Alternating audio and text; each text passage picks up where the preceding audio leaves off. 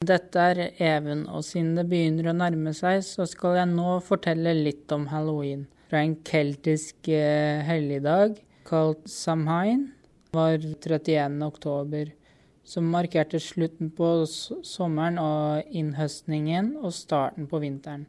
En tid på året som ofte var assosiert med døden var også siste dagen i året, og kelterne trodde at på kvelden før nyttår så var grensen mellom de levende og de dødes uh, verden uklar.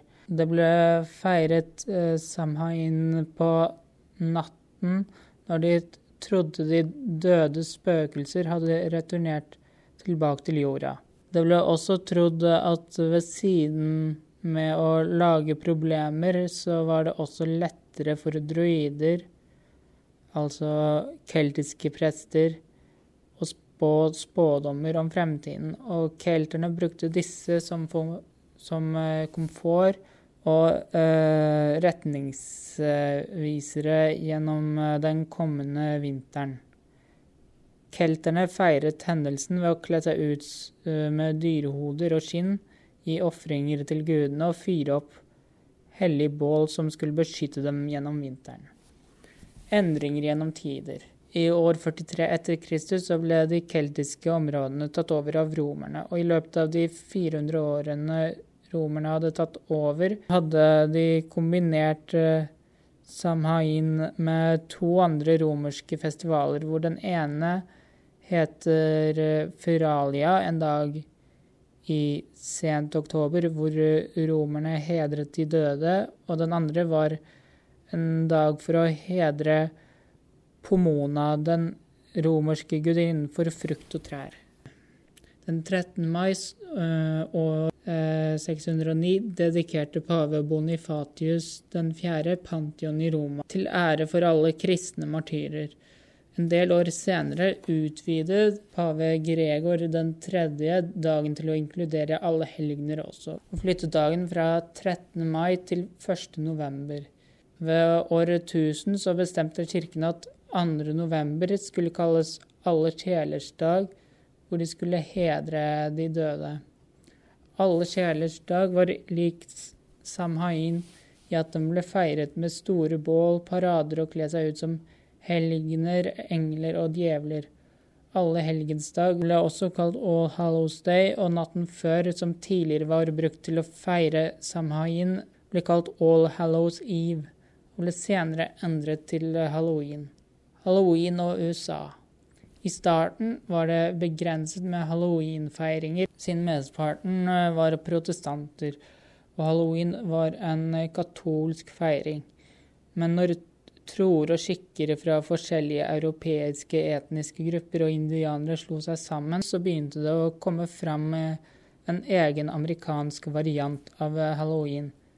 De første feiringene inkluderte offentlige eventer for å feire innhøstningen, dele historier om de døde, gi hverandre spådommer, dans, sang, fortelle spøkelseshistorier og drive med rampestreker. I andre halvdel av det 19. århundre så kom det en stor bølge med immigranter. Disse nye migrantene, og da spesielt millioner av irer, hjalp med å popularisere halloween-feiringen nasjonalt tatt fra irske og engelske tradisjoner. Amerikanerne begynte å kle seg ut i kostymer og gå fra hus til hus og spurte etter mat eller penger. Denne praktiseringen førte til dagens trick or treat, eller på norsk knask- eller knep-tradisjon. Sent på 1800-tallet så var det en bevegelse som ville gjøre halloween om til en merkedag som handlet mer om fellesskapet og folket enn om spøkelser, rampestreker og heksekunst. Mot slutten av århundret så ble det vanlig å ha halloweenfester for både barn og voksne. Festene begynte å fokusere mer på lek, spill, eh, sesongmat og festlige kostymer, og på starten av 1900-tallet så mistet halloween mye av sine eh, overnaturlige og religiøse overtoner. Halloween eh, og overtro. Veldig mange av halloween eh, overtroer gikk ut på å spå og finne unge kvinners fremtidige ektemenn. Noen av disse var at på 1800-tallets Irland så ville en kokk gjemme en ring i potetmosen på halloween i håpet på at den skulle bringe ekte kjærlighet til spisegjesten som fant den. En annen var en skotsk spådomsritual hvor jenta ga sine frieres navn til hasselnøtter og hev dem i peisen. Den som brant bort først, representerte kvinnens fremtidige ektemann. Noen fortellinger så var det motsatt at nøtten som brant bort, symboliserte kortvarig kjærlighet. Et tredje spådomsritual gikk ut på å lage og spise en søt mikstur laget av valnøtter, hasselnøtter og muskat på halloween, før hun gikk til sengs og skulle da drømme om hennes fremtidige ektemann.